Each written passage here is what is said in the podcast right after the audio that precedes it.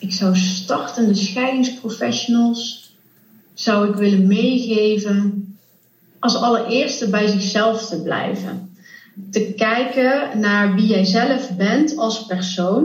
Dat valt dan weer in de lijn van zorg eerst voor jezelf, dan pas weer voor anderen zorgen. Ja. Kijk goed naar wie je zelf bent. Kijk goed naar wat bij jou past als professional, als mens. AMV Podcast. Ambitie maakt verschil. Ambitie maakt verschil. De podcast voor iedereen met talent in bemiddeling, communicatie, ondernemerschap en klaar is om dat verder te ontwikkelen. We gaan het hebben over keuzes maken, tegenslag, succes, ondernemen en groeiambitie. Want ambitie maakt verschil. AMV Podcast. Ambitie maakt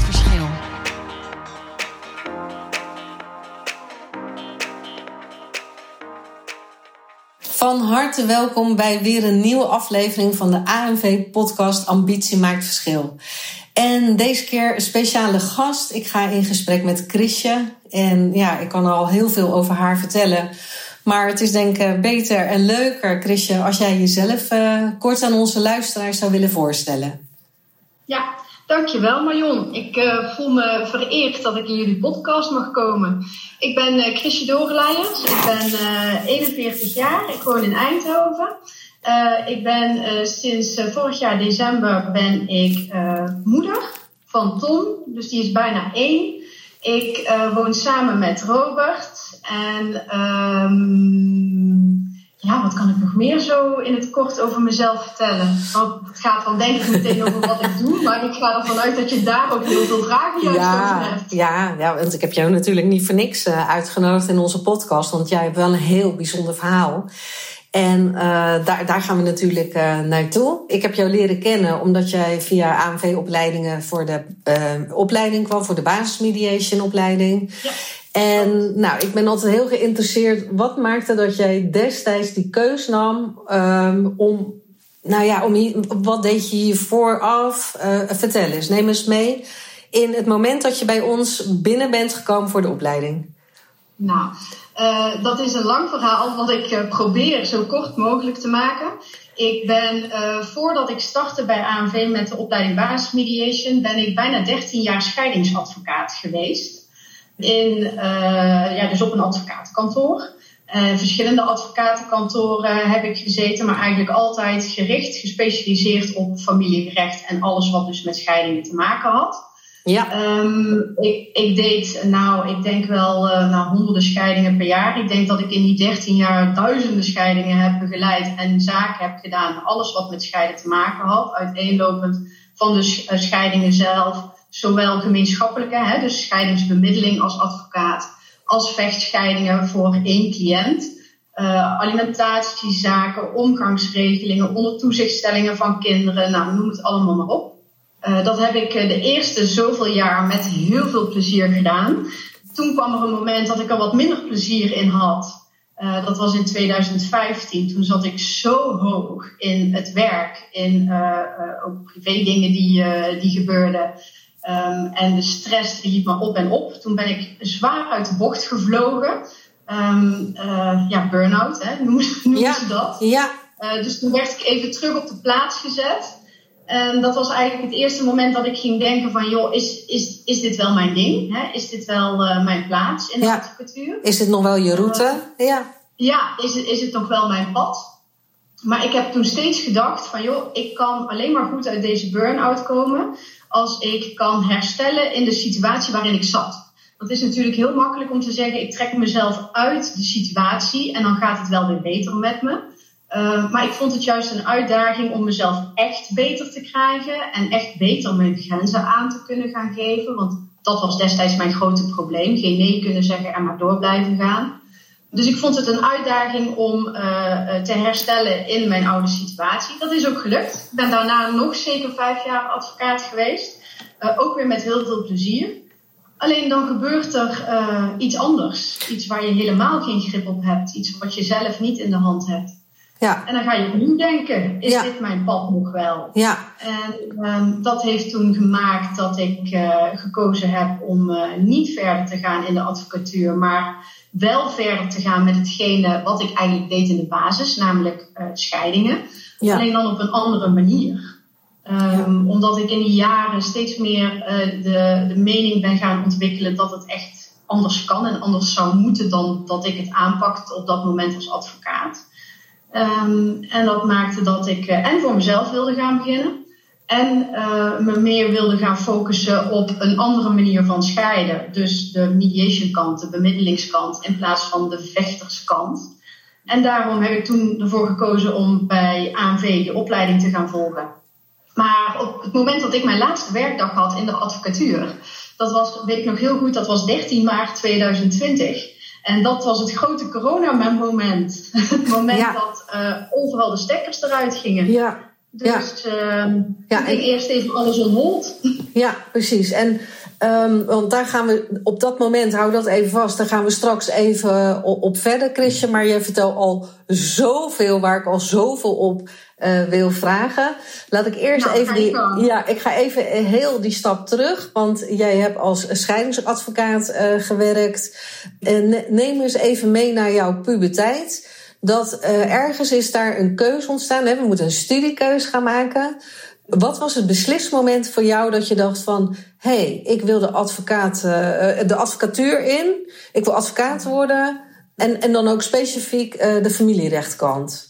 Wat heeft jou dat toen destijds Ja, doen Op dat besluiten? moment was dat nog niet zo specifiek. Ik denk dat als je, als je mij vraagt, neem mij eens mee naar je puberteit, het moment dat je een studiekeuze maakt. Ja, Eh, dat was in eerste instantie, ehm, eh, ik zat op de MAVO.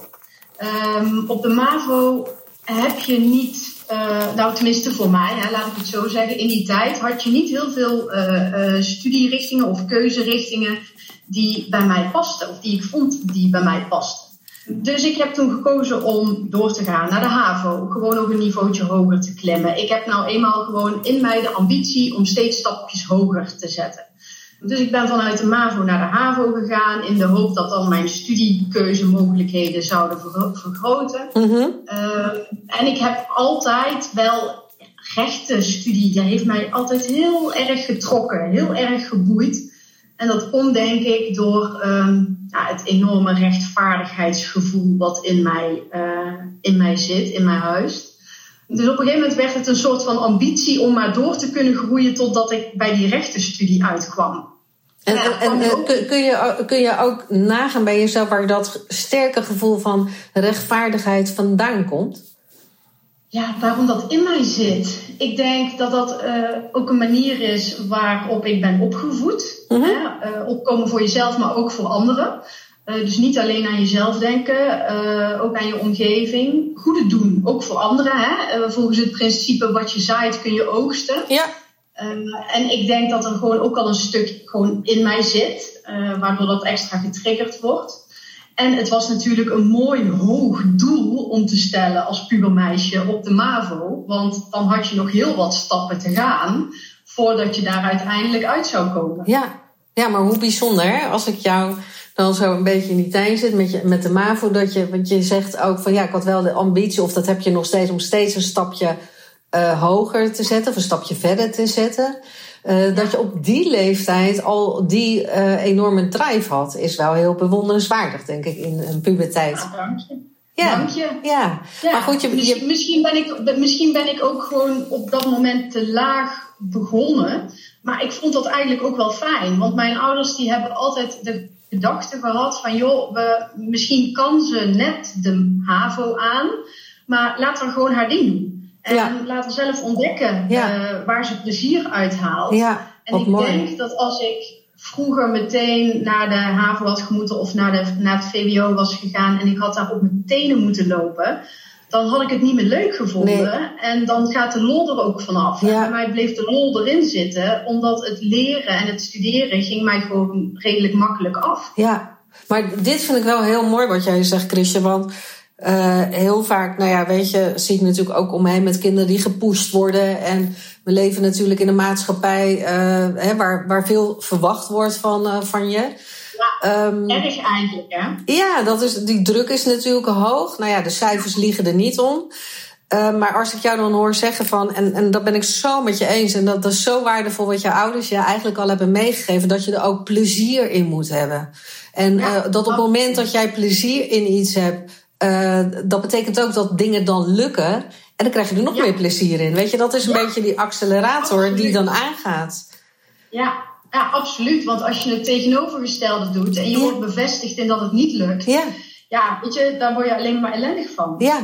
Maar, maar goed, je, je koos toen dat je dacht, nou, de studierechten, dat, uh, daar komt mijn rechtvaardigheidsgevoel vast tot bloei. Nog verder tot bloei. Dus hoe, hoe gaat Ja, dat? Dus toen, uh, toen is het, uh, tenminste dat was je vraag, hè? hoe het Ja. verder is Ja. gegaan, toch? Ja, Um, ja, dus het stapje ging van MAVO naar HAVO. Na de HAVO kon je natuurlijk nog steeds niet naar de universiteit. Um, ik wilde eigenlijk niet nog twee jaar VWO doen, omdat dat heel algemeen. Hè, dan had je weer wiskunde, Nederlands, Engels, Frans. En ik Ja. wilde dan echt wel wat specifieker iets gaan doen. En in die tijd was het nog mogelijk om met een HBO-propeduize de stap te kunnen nemen naar de universiteit. Dus ik heb toen gekozen om uh, een, uh, een in uh, toegepaste psychologie te gaan doen. ja, Uh, en dat was eigenlijk iets wat ook altijd al wel een beetje in zat. Hè? In- in- Interesse in de psyche van de mens. Waarom doen mensen wat ze doen? Wat zijn hun drijfveren? Wat maakt dat uh, mensen in bepaalde situaties op de ene manier reageren en op de andere manier reageren? En uh, um, dat vond ik dus wel een hele uitgelezen kans om uh, daar kennis in op te gaan doen. ja, Um, ik heb nog even getwijfeld of ik niet uh, naar de universiteit zou gaan en dan psychologie zou gaan studeren. Maar nee, ik ben toch bij mijn pad gebleven. En het lukte dus om met die, uh, met die propeduize HBO uh, naar de universiteit te gaan. ja. En, daar heb ik uiteindelijk mijn rechtenstudie gevolgd. En, maar wel afgestudeerd op strafrecht. ja, Want ja, dat trok mij op dat moment zo erg. Zeker ook omdat je daar ook, um, uh, dat is natuurlijk bij familierecht ook. Maar in strafrecht heb je nog uh, erger, denk ik, die combinatie van psychologie en recht. Hè, waarom, waarom doen mensen dingen die ze eigenlijk niet mogen doen? En, en waarom mag eigenlijk iets niet? En waarom doen ze het dan toch? Dus dat was wel uh, echt een trigger om strafrecht te gaan doen. En eigenlijk was mijn, uh, uh, mijn, mijn oorspronkelijke pad, wat ik destijds gekozen had, om officier van justitie te worden. Jeetje. Ja, um, ben dus afgestudeerd op strafrecht. Ik vond in die tijd niet direct een baan. En mijn ouders die waren zo lief en zo gul om te zeggen, nou in de tijd dat jij nu afgestudeerd bent, je nog geen baan hebt gevonden in je werkveld, betalen wij nog een jaar uh, collegegeld en kun jij nog alle vakken gaan doen die je leuk vindt en waar je, waar je interesse in hebt. En toen heb ik dus onderhand het hele curriculum aan familierechtvakken heb ik er in één jaar doorheen gebeukt. Wat, wat, wat maakte dat je toen, want je gaat dan van strafrecht naar familierecht, maar je kan natuurlijk heel veel uh, rechtsgebieden pakken. Wat maakt dat je dan uh, kiest voor familie? Toch ook dat persoonlijke aspect, wat Ja, je ook ziet bij strafrecht. Het gaat om mensen. Ja, Het gaat niet om goederen, het gaat niet om geld, het gaat om mensen en hun drijfveren en dingen die er in een mensenleven gebeuren. ja want daar, waar, daar komt weer de combinatie van die psychologie en uh, inderdaad het rechtsgebied bij elkaar. Hè? Ja, absoluut. En dat heb Ja. je toen in en, een ik, jaar. en ik heb ook nog Italiaans erbij gedaan. Op die. Maar dat is al-. Maar dat dat is altijd leuk en dat is altijd goed. Hey Chrisje, en toen heb je in een jaar die familiekant erbij gepakt en dan ben je klaar. En dan? Ja, dan Hoe- ben je klaar. En dan vind je je baan bij een advocatenkantoor. En uh, uh, dus dat liep allemaal heel mooi over in elkaar. En toen, zat ik, uh, toen begon ik in een algemene praktijk. Daar deed ik strafrecht, uh, daar deed ik huurrecht, arbeidsrecht, eigenlijk alles wat je kunt bedenken. Um, en in dat jaar kreeg ik ook mijn eerste uh, familierechtszaak.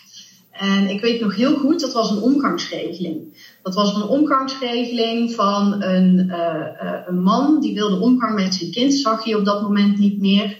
En zijn ex die verweet hem dat hij de kinderen had uh, mishandeld. Um, en ik weet nog dat mijn, de, uh, mijn, mijn toenmalige uh, mentor, zeg maar, in Ja. de advocatuur. Ja, Die, had hem, die had hem als strafrechtscliënt voor iets heel anders dan eh, kindermishandeling. ach jee. Ehm, Je kreeg gelijk een pittige, een pittige, pittig stukje. Dus het was, was wel een beetje een boefje. Maar zeker niet als het om zijn kinderen ging. En ik weet nog dat ik compleet bevooroordeeld in die familierechtszaak stapte. Omdat ik dacht van ja, die man is gewoon een beetje een boef. Ehm, en toen ben ik toch getriggerd om dat dossier eens te lezen met hele andere ogen. En ik werd daar zo warm van. Ik haalde daar zoveel voldoening uit. eh, omdat ik gewoon ook zag dat die man gewoon een ontzettend goede en lieve vader voor zijn kinderen was. Ja. En dat het zo onterecht was wat hem allemaal verweten werd en waarom hij geen contactregeling had met zijn kinderen.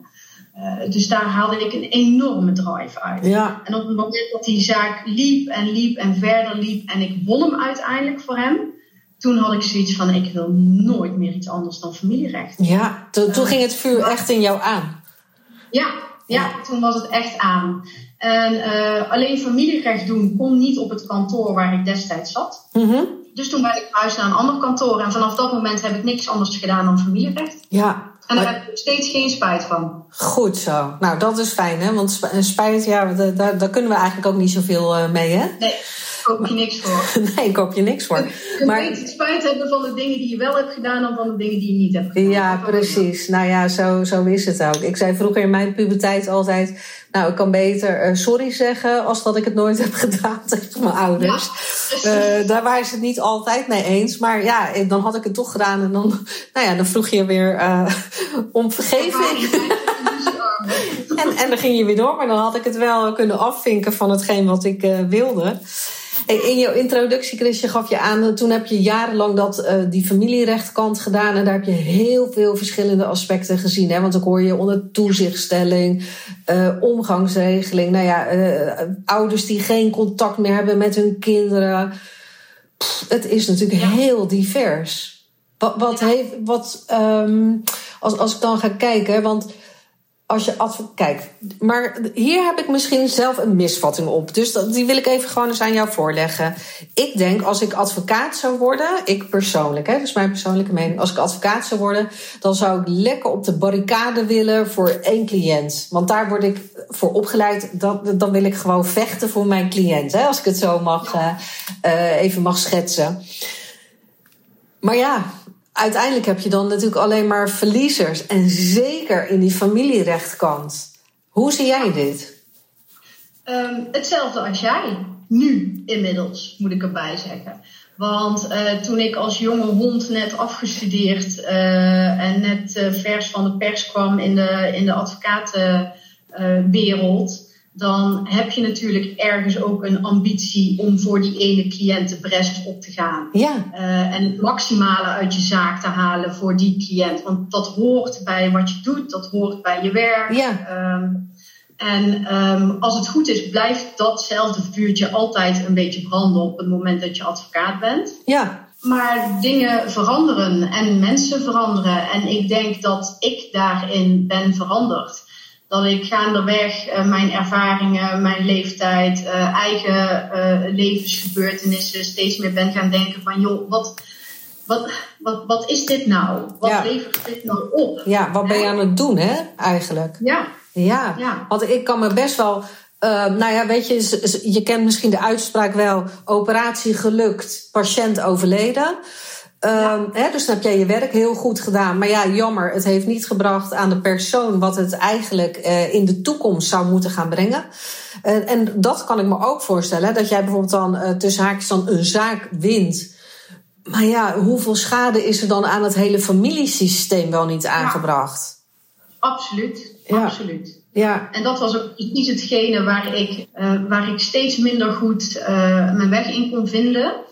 Ik was er altijd een kei in om mijn werk niet mee naar huis te nemen. Maar ja, op een gegeven moment, en ik denk dat dat met name na die burn-out is gebeurd, dat dat steeds vaker wel het geval was. En niet zozeer dat ik dan s'avonds op de bank, als ik iets eh, aan het kijken was of lekker zat te Netflixen, dat ik dan zat te denken aan, oh, die cliënt zus of zo, of hoe zou het nou zijn met zus of zo, dat dan weer niet. Maar dat je gewoon steeds meer dat molentje in je hoofd verder laat draaien van ja, maar wat brengt het nou eigenlijk? Ja, er komt zo'n nou stemmetje. geholpen? Ja, er komt zo'n stem. Wat doe ik nou? Ja, kan, kan ik, kan ik mijn, mijn kennis, mijn vaardigheden, hetgene wie ik ben en wat ik bijdraag, kan ik dat niet veel beter op een andere manier inzetten? ja, Eh, Dat het echt wat oplevert. ja, ja, want dan ga je op een gegeven moment de voldoening daar ook uit eh, missen. Dat je echt denkt, en ik ben echt met mensen bezig. Ja, dat was het. Maar, maar ik hoorde jou zeggen, en dat triggert me, van ehm, ik, ik was wel goed in staat om mijn werk niet mee naar huis te nemen. Terwijl jij eh, best situaties eh, in hebt gestaan dat je denkt, nou, het kan wel ook onder je huid gaan zitten. Dus hoe doe je dat dan? Ehm, nou, dat is eigenlijk een vraag waar ik geen antwoord op kan geven. En Ja. dat is niet zozeer dat ik het antwoord niet wil geven, maar dat lukte, eh, dat lukte voorheen automatisch. Ja, want dat, dat Dat vind, eh, want dat, gewoon automatisch. Ja, want ik denk dat dat wel een vraag is wat voor heel veel mensen altijd speelt. Van, eh, dat ze dag en nacht aan kunnen staan. Of omdat ze heel, ja, hoe zeg ik dat, met, met dingen op hun werk bezig zijn. die best impact hebben. En laat het Ja. dan maar eens liggen daar waar het hoort. Hè? Dus eh, dat je niet een onderdeel wordt van het proces. Daar moet je, dat moet je best wel eh, eh, kunnen. Want anders ga je er sowieso al aan onderdoor waarschijnlijk. Dat lukt denk ik alleen maar als je zelf en ontzettend stevig in je schoenen staat. Ja, Dat je zelf een hele rustige en stabiele privébasis hebt. Waarin niks geks of niks heftigs aan de hand is. En eh, het moet dan ook in je zitten, hè? dat je dat kunt. Dat je, dat je je werk kunt laten waar het hoort en niet mee naar huis sjouwt.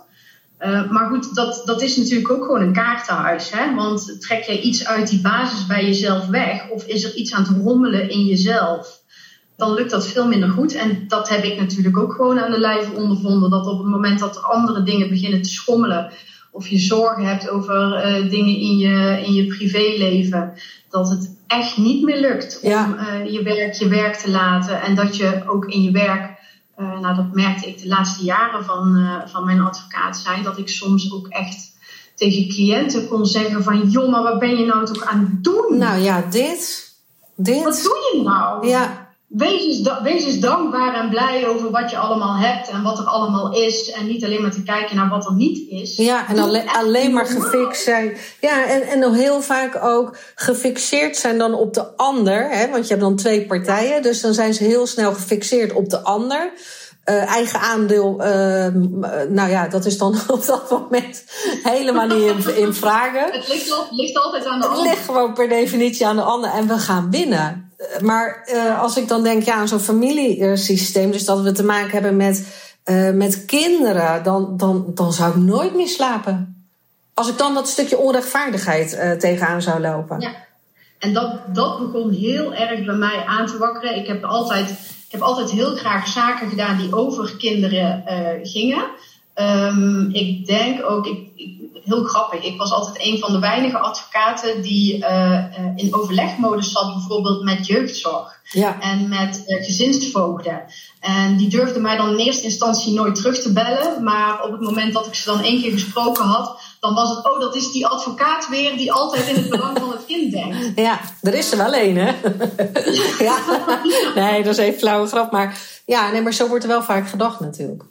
Ja. Ja, en, en dat, dus ik heb altijd heel erg eh, eh, graag wel kinderzaken gedaan, omdat ik eh, dat ook wel een missie vond om daar op een goede manier als advocaat zijnde, als jurist zijnde, toch echt een, een, een goede draai aan te kunnen geven.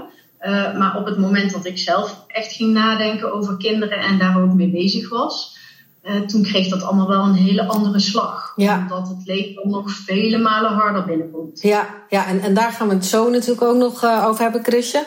Maar even, jij bent toen, eh, nou, wat je zelf zei, uit de bocht gevlogen, in een burn-out terechtgekomen. Ja. Zag je dat achteraf gezien, hè? Zag je dat aankomen? Als je het nu terug gaat Achteraf? leggen, ja? Ja, op dat moment nee. En ik had echt de bedrijfsarts nodig om, eh, eh, om me thuis op de bank te zetten. Ja. Want ehm, diegene heeft destijds tegen mij gezegd: oké, als jij je nu niet ziek gaat melden, en laten we wel zijn, jij zal jezelf ziek moeten melden, want ik kan dat niet voor jou. Maar als jij je nu niet ziek gaat melden bij jouw baas, dan ga ik jouw baas zeggen en zeggen dat je niet in staat bent om te werken. Jeetje, ja. Uh, en die klapte erin. Want ik zei, ja, maar ik kan me niet ziek melden, want ik heb morgen twee zittingen en ik heb overmorgen een zitting. En ik heb de dag daarna heb ik een afspraak, een hele belangrijke afspraak voor een uh, scheidingsbemiddeling. En nou, oh, ja, ja. Ja, ik kan, ik kan niet ziek zijn. Ik kan gewoon niet ziek zijn. Nee, maar hoge werketels. Uh, maar, maar als jij dan terugkijkt, wat voor signalen heb jij al gehad voor jezelf? Dat je misschien niet op dat moment, maar achteraf gezien, en dat is natuurlijk altijd even reflecteren op hetgeen wat er gebeurde. Achteraf gezien dat je zegt, ja, weet je, ik heb al die signalen gewoon gemist. Ja, het begint natuurlijk altijd met kleine signalen die je makkelijk over het hoofd ziet. Uh, en die dus ook zo niet meer terug kan halen wat die precies zijn geweest. Maar op een gegeven moment was het wel echt aan hoor. Want ik weet nog heel goed dat ik op een gegeven moment uh, zat ik op kantoor. Ik zat naar mijn beeldscherm te kijken en ik zag alles op de kop. Ja. Dus gewoon heel, heel de wereld was omgedraaid. Ja. Uh, en dan was even zo van, oké, wat gebeurt er nu? Nou ja, ik loop maar even naar het keukentje, ik ga maar even een kop koffie drinken. Ja. En ik zal vannacht wel slecht geslapen hebben. Ja. Wat ik natuurlijk ook deed, want op dat moment had ik al uh, strak iedere nacht minimaal drie uur extra plafonddienst. Och. plafonddienst. ja, hij klinkt wel goed. Het is niet leuk, maar het klinkt wel heel goed. Um, en dan, de, de, ik weet nog de week daarop, toen uh, stond ik op, uh, dat was op, op kantoor, stond, stond ik op achter mijn bureau. En ik stortte gewoon in elkaar, joh. Mijn benen die werkten niet meer. Ach, ja, uh, op een gegeven moment trek je lichaam wel aan de bel. Ja, dat zijn maar twee kleine voorbeelden van dingen die heel duidelijk een lichamelijk signaal zijn. maar waar ik gewoon echt strak doorheen balst hoor. Ja, ja. het gaat wel weer over. Ja, ja, nee, maar dat, is dit iets wat we uh, al heel snel uh, doen? En op, op, zich is het ook bewonderenswaardig. Hè, dat we niet bij de eerste, de beste kraakje al denken: oh jee. Maar, maar aan de andere kant gaan we vaak ook te lang door. Ja. En, en dan komt de rekening, die komt achteraf. Ja, en die rekening is vele malen hoger. Ja, ja.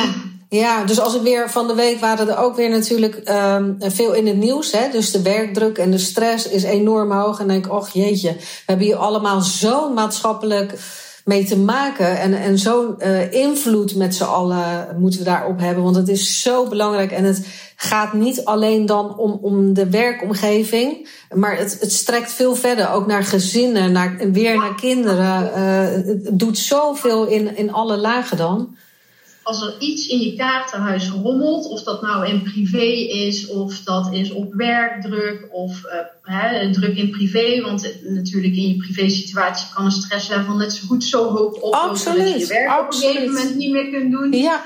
Weet je, ik denk dat nu in deze tijd de druk gewoon op alle vlakken heel ja. hoog is. Ja, het is allemaal veel onrust. Hè? Dat, dat kunnen ja. wij natuurlijk ook merken. En, maar... en, en, niks mag ook meer gewoon zijn. Hè? We mogen niet meer gewoon eens even uh, stilzitten of stilstaan en blij zijn met wat we hebben. Ja. En uh, niet, even niet vooruit willen hoeven. Ja, nee, ja precies. Hè? Want dan, uh, dan vinden we daar tussen haakjes, hè? want dat, dat kan de luisteraar niet zien, maar ik zeg even tussen haakjes er dus bij dat vind, daar vinden we dan ook weer wat van. Hè? Als iemand ja, niks doet. Of als is achteruit. Ja, terwijl stilstand gewoon even heel goed ja, kan zijn. Even pas op de plaats, even herijken. Waar sta ik nu? Word ik er nog heel blij van? Ga ik nog met plezier uit mijn bed? Uh, ga ik nog met plezier uh, in mijn bed? Weet je, dat is ook heel ja. belangrijk. Ja. Um, en, en, waar doe ik het allemaal voor? En waar doe ik het allemaal voor? En wat brengt het je nog? Word je er nog heel erg gelukkig van? hey, maar jij bent toen op, die, uh, op aanraden van de bedrijfsarts... Nou, jij, jij gaat in de burn-out, je gaat thuis. Hoe, hoe ben je daar weer uitgekomen? Um, door veel rust te nemen. Mm -hmm. um, door uh, wat, wat voor mij een hele uitdaging is. Hoor. Ik ben er bezig, bezig bij.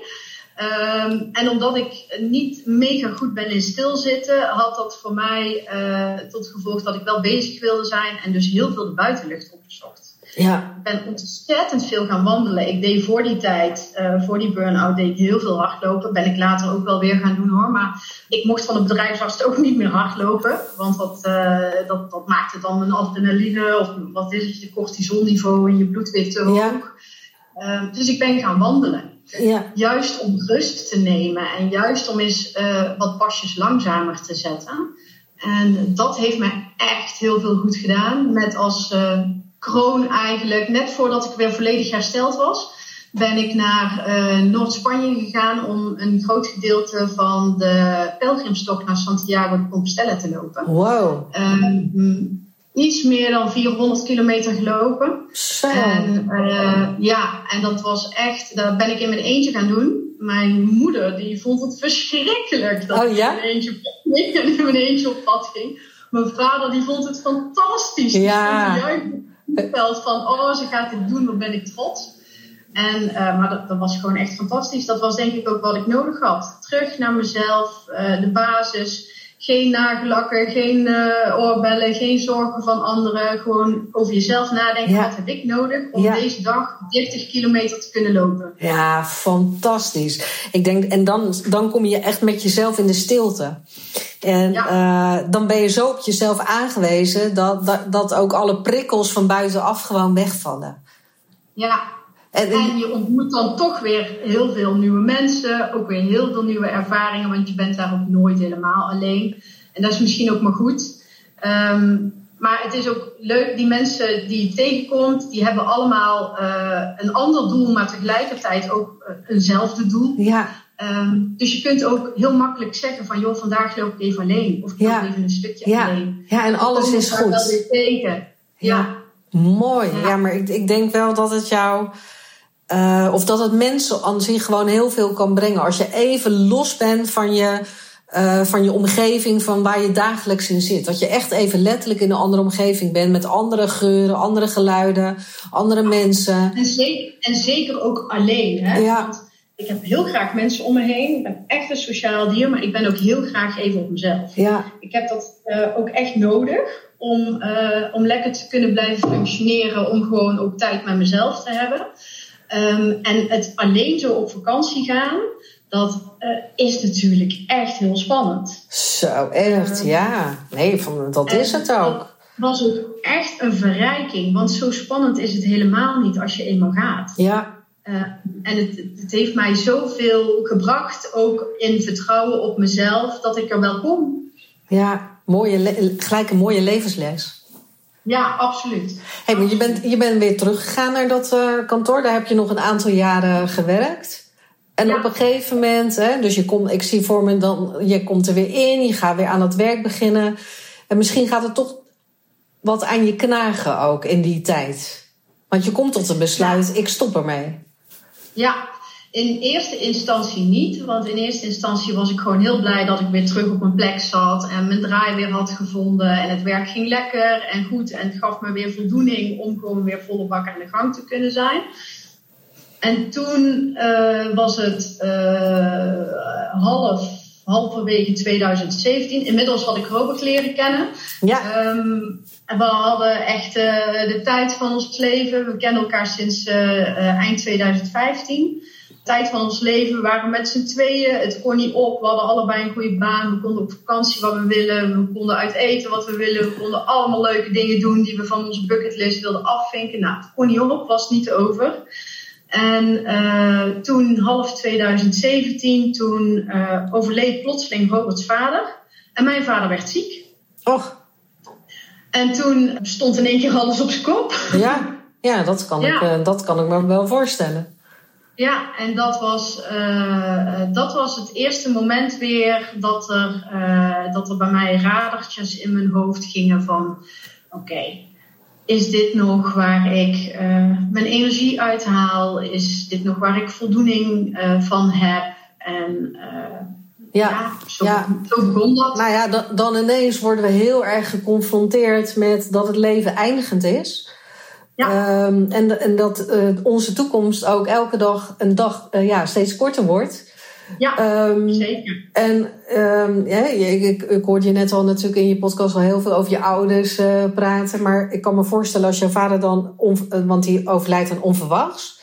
Het was Roberts vader die onverwachts overleed en mijn ja. vader die ziek werd. Ja. Oké, en als je kijkt naar jouw vader, wat, wat gebeurde er in die tijd? Waar, ben, waar is hij aan? Mijn, vader, mijn, ehm, mijn vader die bleek een uh, bacterie in zijn bloed te hebben, die hem uh, ja, als het ware een bloedvergiftiging bezorgde.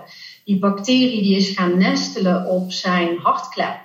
Okay. Uh, en heeft die hartklep zodanig aangetast dat hij niet meer kon functioneren en dus geopereerd moest worden. Ja. Um, die uh, bacterie heeft door de, door de lekkende hartklep ook een aantal uh, herseninfarcten veroorzaakt. Waardoor ja. het ook in zijn brein allemaal niet meer lekker ging. Ja. Uh, dus dat was een hele heftige periode. Wij waren, Robert en ik, waren na het overlijden van Roberts vader, waren wij in, in Spanje op vakantie. Want mijn vader was al wel, die was al een beetje gammel. Die had al verschillende onderzoeken in het ziekenhuis gehad. En daar kwam allemaal maar niet uit wat het was. En ze kregen er maar niet de vinger op. En mijn vader die zei van ja, ik wil dat jullie gewoon op vakantie gaan. Want weet je, er is zoveel gebeurd. Roberts vader is overleden. Jullie hebben het nodig om even weg te zijn. Ga Ja. gewoon. Ja, We zijn toen gegaan. Maar we waren binnen drie dagen terug. Want toen lag mijn vader op de, op de intensive care. Eetje. Dus toen ging het Eh, ineens heel snel. Ja, ja, ja. En eh, die heeft toen uiteindelijk, heeft hij binnen een paar weken kreeg hij een, eh, een hartoperatie. Heeft toen nog nou, een dikke twee maanden in het ziekenhuis gelegen om aan te sterken. En toen mocht hij weer naar huis. Ehm, hij, onder, hij herstelde wonderbaarlijk van zijn hartoperatie. Want mijn Ja. vader was gewoon een hele fitte, gezonde kerel. Maar de neuroloog die ehm, eh, in, zijn, in zijn functioneren, zeg maar, in zijn, in zijn bewegingen die die, die die had. En hij had een probleem met zijn spraak na die, na die herseninfarcten. Ehm, de neuroloog die zei tegen hem: Ja, meneer, ik krijg toch niet alle, eh, alle symptomen of alle dingen die ik bij u zie, die krijg ik toch niet allemaal gerelateerd aan die herseninfarcten. Ehm, en die had gehoord van mijn moeder in gesprekken die er al waren geweest, dat er eh, in, eh, mijn, of in, in de familie van mijn vader ook een andere hersenziekte zit. Dus die zei van, joh, ehm, misschien moeten we daarop door onderzoeken als u dat wilt. Ja. Vader die wist dat natuurlijk wel van die ziekte, maar die had altijd zoiets van, nou ja, laten we dat maar, eh, laten we dat maar niet doen, want die weet wat niet deert. Ja, ja, Eh, precies. Het is ook nog wel een beetje. Ja, ik snap dat ook wel heel goed. Weet je, als, als je ja, daar niet mee bezig bent, dan is het er niet. Maar ja, het is er natuurlijk dan wel. Op in het zand. Ja, Ehm, eh, maar die had dus op dat moment zoiets van, ja, weet je, ik heb nou toch al zoveel voor mijn kiezen gehad, laten we dat ook nog maar rekening Ja. bij onderzoeken. Ja. Nou ja, en dat, dat bleek dus bingo te zijn. Eh, dus die, die, eh, die diagnose ziekte van Huntington, die kwam er in één keer bij. ja, Ehm, en de ziekte van Huntington, eh, nou, dat is, een, dat is zeg maar de grootste, nou, ik zal niet zeggen de grootste, maar in ieder geval een hufter onder de ziektes. oké. Want kort gezegd is ehm, de ziekte van Huntington is een combinatie van Parkinson, ALS en Alzheimer in één. Een cocktail. Ja, Ja, eh, wow. onbehandelbaar, alleen maar symptoombestrijding. En ehm, binnen nou, zo'n 15 jaar na eerste openbaring, dus nadat de eerste klachten komen, is het gewoon einde verhaal. Zo, dat is heel pittig. Ja, en Ja. eh, dat betekent dat alles wordt aangetast. Hè? Je hersenen, Ja. je bewegen, je eh, functioneren, alles gaat achteruit. Ja, ja dan is het ook gelijk. ja, Ja.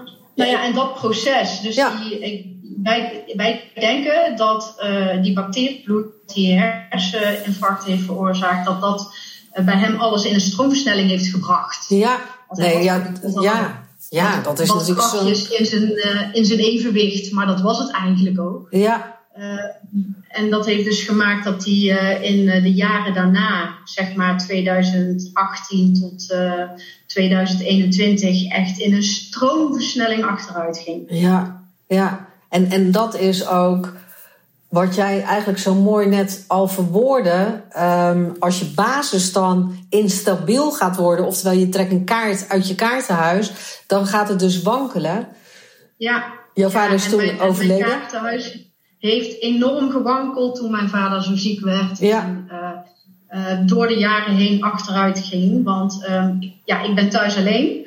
Eh, ik heb geen broers of zussen. Ik, dus het is altijd bij ons de drie musketiers geweest. Mijn vader, mijn moeder en ik. Ja, Ehm, en eh, ehm, ja, dan, dan wordt er eentje ziek. En dan wankelt alles. ja, ja dan staat al, maar dan staat ook gelijk alles op losse schroeven.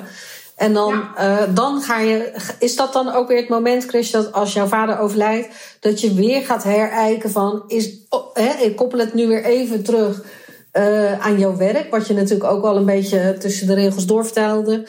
Uh, dat je dan weer aan het herijken gaat van, ja, waar doe ik het allemaal voor? Is dit nog my way to go? Ja, absoluut. Absoluut. Want dat is precies wat er is gebeurd, Marion, in, in die periode, zeg maar, vanaf dat mijn vader ziek werd tot aan het moment dat hij in 2021 overigens aan corona ja. overleed. Ja. Um, vanaf dat moment heeft het gewoon uh, uh, heeft het gewankeld in wat, wat wil ik nog? Je, je ziet wat je toen straks ook al zei, hè? je ziet dat, dat het leven eindigend is. Ja. we roepen met z'n allen om het hardste, pluk de dag en ja. geniet ervan en doe wat je wil doen.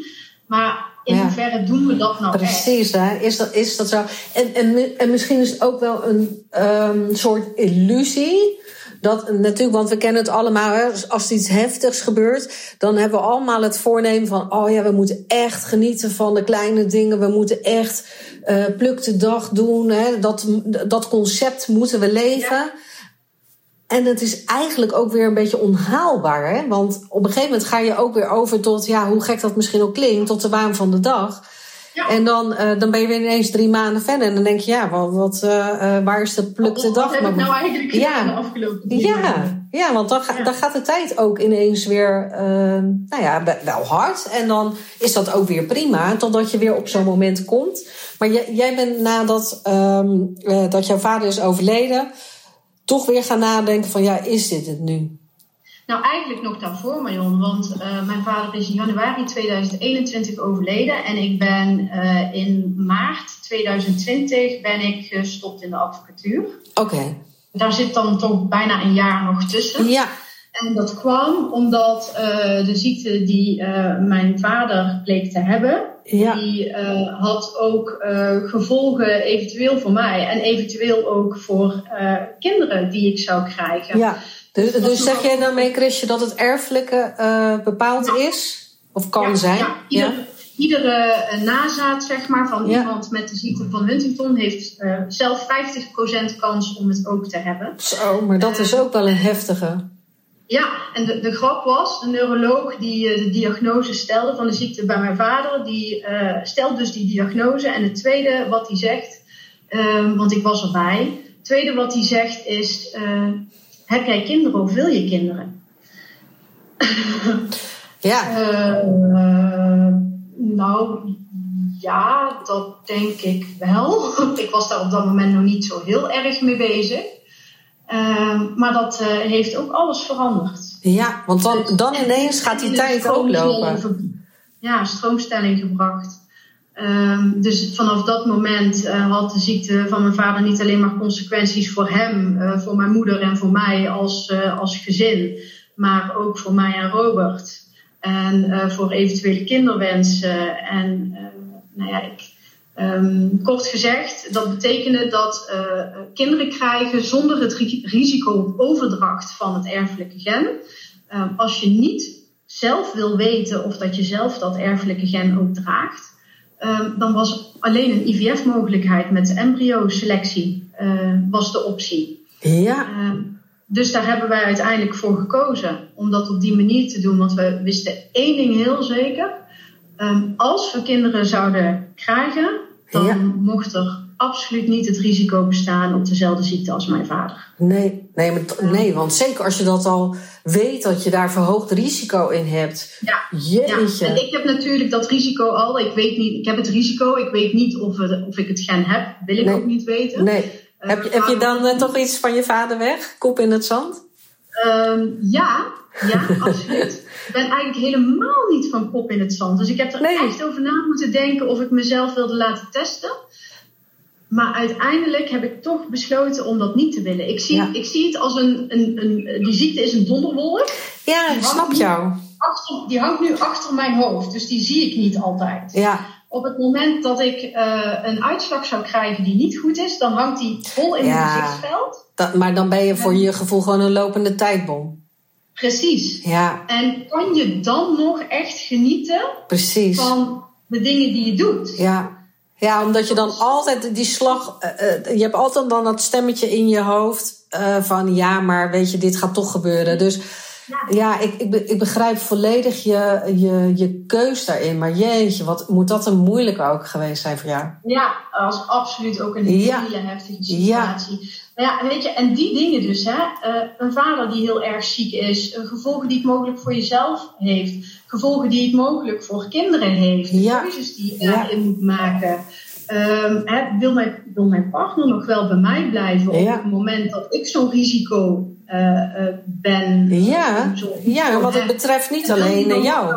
Ook met mij. En hoe gaat die toekomst eruit zien? En, en dan weer de vraag: oké, maar weet je, eigenlijk had ik gewoon al lang misschien beter moeten nadenken over waar ik zelf nog. Uh, waar ik zelf plezier uit haal en welke doelen dat ik heb en wat ik zelf voor mezelf wil bereiken in het leven. En Um, dus toch weer die, die, die, die koppeling naar je werk. Doe ik nog wat ik wil doen? Ja. Is, dat, is dat nog wat bij mij past? Maar, maar, dus- maar als, ik, als ik nou zeg, hè, ik roep het gewoon op, omdat, dat, omdat ik daar nu natuurlijk zelf ook in het gesprek met jou over na aan denken ben. Van, is het nou zo dat dat we eerst iets uh, heftigs moeten meemaken. Of dat een kaart uit ons kaartenhuis wordt getrokken, waardoor we bang wil komen te staan. Voordat we pas dit enorme inzicht krijgen. En dan pas de stappen gaan zetten die we eigenlijk moeten zetten, ook zonder dat inzicht. Maar dan, dan doen wij dat niet. Ja, dat denk ik wel. En dat is natuurlijk een heel, uh, een heel wrang iets. Uh, maar ik denk het wel. Want ja. ik heb in de afgelopen jaren heb ik heel veel mensen gesproken. Die ook ieder op zijn beurt iets heftigs meemaken. Hè? En dat, dat, dat heftige is voor iedereen verschillend. En dat kan, dat, dat, dat kan voor de ene kan dat heel heftig overkomen, of voor de andere niet. Hè? Want ja, als je mij vraagt van, of als je, als je tegen mij zegt van, goh, het is nogal heftig wat je allemaal hebt meegemaakt, dan denk ik, oh ja, is dat nou allemaal zo heftig? Ja, ja dat, dat, het is het natuurlijk. Ja, nee, het, het, het is absoluut, absoluut. Maar het heeft je ook heel veel gebracht. maakt heftige dingen mee. Ja. Het is alleen maar net welk gevolg je daaraan geeft. Precies. En wat de impact van die heftigheid is. En bij mij was die impact natuurlijk mega groot in mijn privéleven. Ja. Uh, en dat heeft uiteindelijk wel gemaakt dat ik uh, snel tot die keuze ben gekomen van ik moet een andere weg in. Ja, nou ja, kijk, weet je, soms denk ik ook wel dat. Uh, kijk, je bent een heel positief ingesteld uh, persoon. Aan de situatie zelf kun je niets veranderen, niets. Je kunt er wel voor kiezen hoe je ermee omgaat. Weet je, want je kan ook slachtoffer worden van de situatie. Ja, want je, we kunnen ook, en het klinkt heel makkelijk, hè? Maar ik denk ook wel dat het trainen is van je mindset: van oké, okay, pas op de plaats, dit is de situatie, feit, even zonder gevoel, feit. Um, maar hoe ga ik hierin staan? Word ik slachtoffer nu van de situatie? Of haal ik hier mijn learnings uit? En kan ik hier wat mee doen? En welke mooie inzichten krijg ik nu? Ja, nou jij haalt precies nu mijn missie aan die ik heb in het werk wat ik nu doe. Ja. Weet je, met scheiden, scheiden is gewoon is niet leuk. Nee. Scheiden is nee. leuk, scheiden is verschrikkelijk. Nee. Ja. Um, je hebt daar, nou ja, weet je, een scheiding komt natuurlijk komt niet uit de lucht vallen. Daar gaat altijd iets aan vooraf. Ja. Uh, maar voor een scheiding heb je altijd twee mensen nodig. Um, en uh, um, op het moment dat die keuze dan wordt gemaakt, of dat nou een gezamenlijke keuze is of een eenzijdige keuze, uh, dan is het wat het is. Ja. En precies wat jij zegt, dan heb je geen invloed op wat is, dan heb jij heel veel invloed op wat je doet en hoe je daarmee omgaat. Ja, en, en dit zou ik zo willen dat we dit al uh, op school zouden leren. Ja. Dat, want ja. dit zijn eigenlijk wel de, de, de, de levensitems uh, uh, waar het over gaat. En uh, natuurlijk kunnen we niet altijd als een blij ei rondrennen van... oh, dit is een situatie, oh, ga ik mee om. Dat is niet wat ik bedoel. Maar we kunnen ons wel trainen in om op een andere manier te durven kijken naar dingen die gewoon heel lastig zijn. Ja, absoluut. En om daarin uh, de verantwoordelijkheid, en dan klinkt verantwoordelijkheid misschien heel zwaar, maar om daarin de verantwoordelijkheid bij jezelf te ja. zoeken. Ja, nou ja, ja. Om die bij anderen te leggen. Ja. Ik, ik, ik snap het, Nou, ik weet niet of het zwaar klinkt. Ik eh, vind wel dat we soms te weinig ons eigen aandeel durven te zien. Eh, sterker nog, dat we altijd heel snel. eh, eh, ik praat lekker algemeen, hè. Maar dat we wijzen naar de ander zonder dat je jezelf. Terwijl ik denk, ja, maar het goud zit bij jouzelf. Want je gaat er zelf ook weer zoveel van leren en mooier van worden.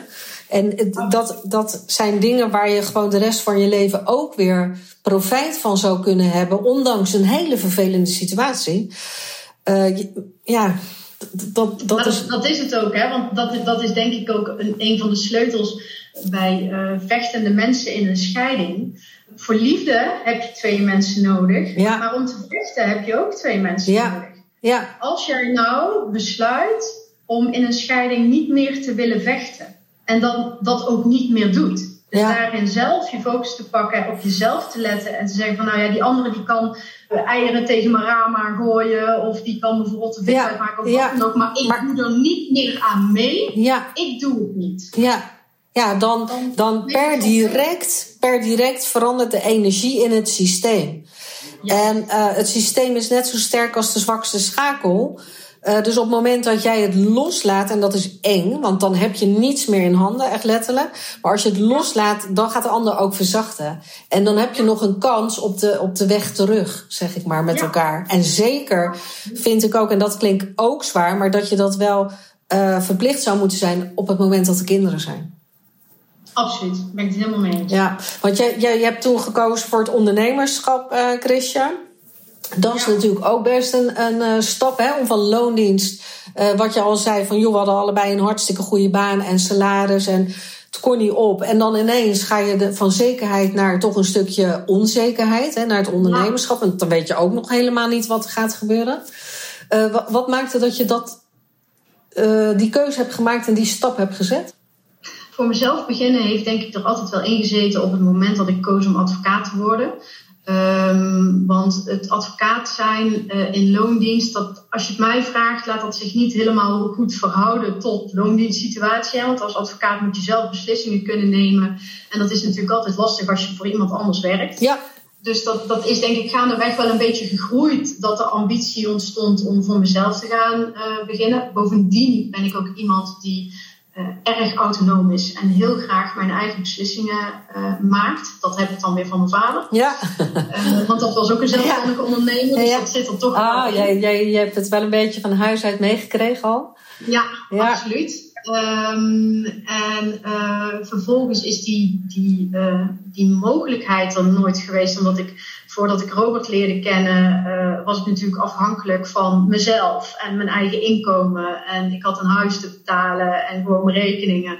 Eh, en dan is het eh, wel heel bold, zeg maar, om voor jezelf te gaan beginnen. Ja, Maar eigenlijk is, is Robert degene geweest die mij echt gestimuleerd heeft om toch die stap te maken. ja. En wat, En het is ook absoluut dankzij hem dat ik die stap heb gemaakt.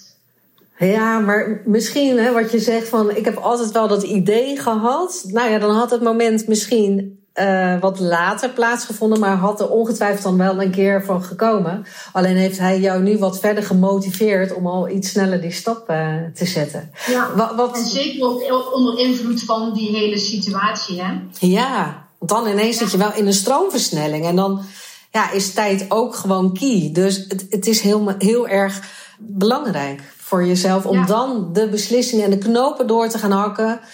Soms ehm, moeilijk besluit, makkelijk leven. Want dan ineens valt alles misschien een beetje op zijn plek. Maar wat, wat brengt het ondernemerschap jou nog meer dan behalve je eigen tijd indelen en je eigen beslissingen kunnen nemen? Ehm, Wat, wat kun je nu misschien, ik zou misschien anders vragen. Wat kun je nu anders met scheidingen neerzetten als wat je destijds deed? Ik, eh, ja, dat is precies, precies ook de richting die ik aan het opdenken was. Ehm, ik, eh, nou, denk ik, het allerbelangrijkste wat ik nu anders kan doen, nog even los van, eh, van inhoudelijk, is de persoonlijke aandacht die ik aan mijn cliënten kan geven. Als advocaat ben je heel erg gefocust op eh, het zakelijk snel afwikkelen, uren maken, doorbeuken. Er wordt bijna niet gevraagd van, hey, hoe gaat het nou? Nee, nee. Ehm, en hè, het wordt voor de vorm wel even bij de voordeur gezegd als je iemand binnenlaat, maar vervolgens ga je Ja, even- snel ja. weer te zaken. Ja, Ehm, en eh, dat, dat past gewoon eigenlijk ook helemaal niet bij mij. nee. Ik wil naar mijn cliënten luisteren. En dat is al een wezenlijk groot verschil. Eh, plus wat ik nu anders doe met scheiding is, is natuurlijk een hele andere benadering als eh, puur als jurist. Een scheiding regelen eh, voor één cliënt ofwel met twee cliënten. Want ik heb in de tijd dat ik advocaat was ook al heel veel scheidingsbemiddelingen gedaan. Maar wat nu wezenlijk anders is, is dat het gewoon vanuit een compleet andere invalshoek is. Ja. Hè, het gaat niet zozeer om het vinden van compromissen in een scheidingsbegeleiding. Maar het gaat om cliënten ook te motiveren om inderdaad eh, naar zichzelf te kijken. Hun Ja. eigen aandeel te bekijken. Om te bezien hoe ze samen tot een win-win situatie kunnen komen. Ja. Zodat ze iets wat onoverkomelijk is, namelijk die scheiding, wat een hele negatieve lading heeft, kunnen ombuigen in eh, iets heel positiefs voor Ja. hun eigen toekomst. Ja, en, en, en dan zou ik nog willen aanvullen, en juist voor hun kinderen. En juist voor hun kinderen, want dan hebben we het daar nog niet eens over gehad. Ja. Dan hebben we het ja. natuurlijk ook alleen maar over eh, Ja. dat het voor jezelf na een scheiding alleen maar heel fijn is om daar goed uit te komen. Ja, nee, maar dat, dat, dat is ook het vertrekpunt. Ja, maar dat is het vertrekpunt. Kijk, als jij als ouder niet goed voor jezelf zorgt, eh, indirect niet goed voor eh, je ex-partner zorgt, oftewel de andere ouder van je kind, ja, dan kom je niet in, in, in de goede energie met elkaar, waardoor, waardoor het lastig is om van partnerschap naar ouderschap eigenlijk te gaan. En om dat, eh, wat jij ook mooi zegt, te kunnen laten rusten op het partnerschap. Dus niet meer vechten, meer gaan kijken van hoe gaan wij samen als ouders eh, hier nu in staan, samen apart. Want eh, ja, dat, dat- zijn we toch verplicht aan onze kinderen. Ja, precies. Want je bent ook de kinderen scheiden mee coach eh, nu. Hè? Dus jouw Ja. hart ligt ook heel erg bij dat gezinssysteem, bij de kinderen. Wat, wat zou jij als, want jij bent echt wel een hele succesvolle ondernemer ook, maar wat zou jij startende scheidingsprofessionals willen meegeven? Wat zou ik startende scheidingsprofessionals willen meegeven? Ja, want jij hebt al zoveel know-how in het vak. Dat, dat is een goede vraag. Ik zou startende scheidingsprofessionals zou ik willen meegeven als allereerste bij zichzelf te blijven. Te kijken naar wie jij zelf bent als persoon. Dat valt dan weer in de lijn van zorg eerst voor jezelf, dan pas weer Ja. voor anderen zorgen. Ja, Kijk goed naar wie je zelf bent. Kijk goed naar wat bij jou past als professional, Ja. als mens. ja, Eh, ga vanuit daar kijken naar wat kan jij een ander bieden. Ehm, en wat is dat dan, hè, wat jij kunt bieden? Begin niet bij eh, wat ga ik bieden, eh, maar begin bij jezelf. ja, En mooi. Maak, van, maak vanuit daar eh, jouw plan in wat je voor een ander gaat doen. Ja, mooi, mooi. He- Super hoe jij dat omschrijft ook, eh Chris. Want ik zie natuurlijk het ondernemerschap. Hè. We zien vanuit onze cursisten ook mensen die gaan starten. Die dan ehm, eh, als, als een raket gaan beginnen. Eh, en, en helemaal positief bedoeld uiteraard. Maar als een raket gaan beginnen aan een website. Aan een, aan een kaartje, aan een logo, een kleurtje. En dan eh, denken, en dan ga ik alles doen en ik ga alles aanbieden, want dan heb ik de grootste kans op een, eh, een klant. Dus we pakken de, hele scala en, en daar worden wij, daar gaan we ons op richten. Terwijl ik dan zie, dat werkt niet. Want ze zijn niet vanuit een intrinsieke motivatie ergens gestart. Of ze hebben dat even ehm, ja, nog niet te veel in de aandacht gezet. En zijn zich alleen maar aan het richten aan, aan zaken van buitenaf. Ja, ja, ik denk dat je dan juist bij het einde begint. Hè? Als je Ja. begint bij hoe je website eruit moet zien en hoe je kaartje eruit moet zien, dan begin je bij het einde in plaats van bij het begin. en, en dit En zie ik heel vaak gebeuren. Dat is een beetje klassieke ondernemersfout, hè? Ja, ja. Hey, en, en als En dan zeg ik niet dat ik alles als ondernemer nu, eh, nu eh, allemaal helemaal goed doe. En dat ik niet eh, nog een zetje of een goede sparringssessie kan gebruiken. Want het is natuurlijk altijd. En dat is misschien ook ondernemerschap, hè? Nee, dat is juist ondernemerschap.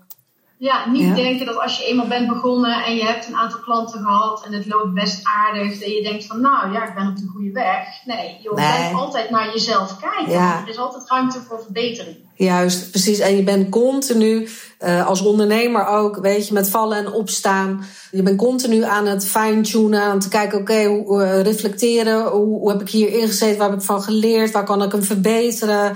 Continu aan het tweaken, eigenlijk op je proces, op jezelf, heel belangrijk. Terwijl bij startende ondernemers natuurlijk heel vaak de vraag als eerste gaat starten, hoe kom ik aan een klant? Ja. Ja. ja. Want ja, Ja, zonder, is zonder, natuurlijk ook een hele belangrijke vraag. zo- zonder klanten geen bedrijf. Nee, absoluut. Dus d- dat is gewoon een essentiële.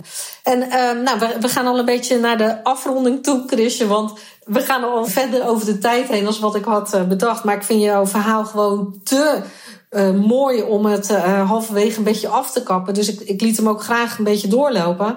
Maar als ik een beetje naar de afronding ga. ehm, nou ja, de, de, vraag, de vraag die wij natuurlijk altijd stellen. Wat is ambitie voor jou? Wat is ambitie voor mij? Mijn ambitie, eh, nou, die zat er natuurlijk altijd al. Mijn ambitie is altijd geweest groeien, groeien, groeien, groeien, groeien. Doel op doel op doel halen. Eh, eh, mijn ambitie is nu heel erg tweeledig. Want die ambitie die er gewoon in mij zit om te blijven groeien, dat zal er nooit helemaal uitgaan. Nee. Ik vind het gewoon fantastisch om mezelf doelen te stellen en die te bereiken. Ja, Uh, maar voor mij is uh, horizontale groei op dit moment veel belangrijker geworden dan verticale groei.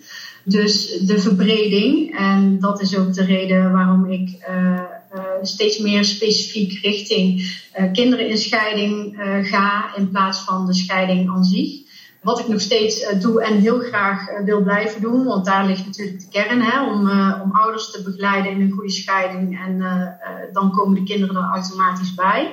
Maar dat is nog zeker mijn ambitie om dat veel verder uit te zetten. Ik heb nu net de opleiding Kinderen scheiden meegehaald. Ik ben op dit moment druk bezig om dat ook uit te zetten uh, in mijn bedrijf als aanbod aan, uh, aan cliënten. Um, dat is dus absoluut mijn ambitie om mijn bedrijf daarin verder te laten groeien en vooral in de breedte dan in plaats van in de hoogte. Ja. Um, en mijn ambitie is om uh, toch ook wat vaker stil te staan. Ja. En ook vaker te genieten van wat er nu is. Ja. Want zoals ik in het begin vertelde, ik ben sinds uh, vorig jaar december moeder. Tot Ja. dus bijna een jaar. Het ondernemerschap brengt mij ook dat ik bewust veel tijd aan hem kan besteden. Ja. Uh, dat vind ik heerlijk. Want die eerste jaren, ja, ik denk uh, dat alle ouders het daarmee eens kunnen zijn, die komen niet meer terug. Nee, en het gaat heel hard. En het gaat heel hard. Je knippen met je ogen en ze zijn het huis uit. Ja. dus Ja. dat is ook absoluut mijn ambitie. Om daar Ja. Maximaal genieten van de dag. Ja, en van ambitie je. is voor mij echt niet meer alleen maar werkgerelateerd, Nee. wat het altijd was. Ja. Eh, ambitie, en dat heeft alles wat er, eh, wat er gebeurd is in de afgelopen jaren, heeft heel duidelijk gemaakt dat mijn ambitie op werkniveau er nog steeds is. In een andere vorm weliswaar. Eh, maar dat ambitie ook zeker in je privéleven heel belangrijk is. Ja, en, en die balans ook daar. hè? Want heel vaak wordt, al- als, op het moment dat ik het woord ambitie of ondernemerschap noem, wordt heel vaak gekoppeld aan eh, iemand die bijvoorbeeld ambitieus is. Nou, die werkt eh, 120 uur per week. Weet je, terwijl Ja. dat helemaal niet hoeft te zijn. Jouw ambitie kan, zoals jij het omschrijft, want het ondernemerschap is niet per definitie dat je dag en nacht aan het werken bent, is juist een mooie vorm en een mix zien te vinden waar jij gewoon heel gelukkig van wordt. En Dus- dat je dan een succesvol bedrijf eh, kan neerzetten waarin jij zo van toegevoegde waarde bent voor ouders en kinderen eh, tijdens en na een scheiding. Ja, dat is dan toch je kers op de taart.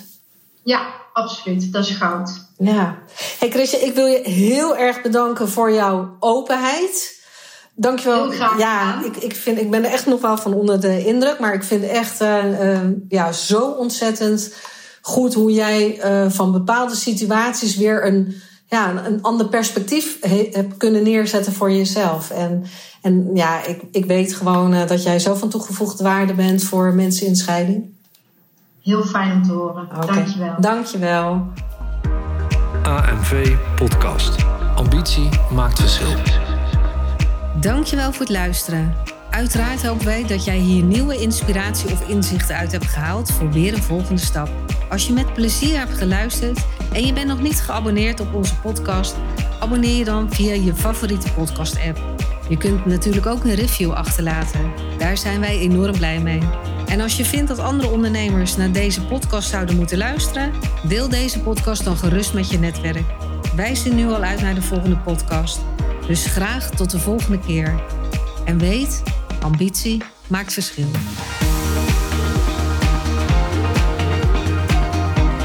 AMW Podcast. Ambitie maakt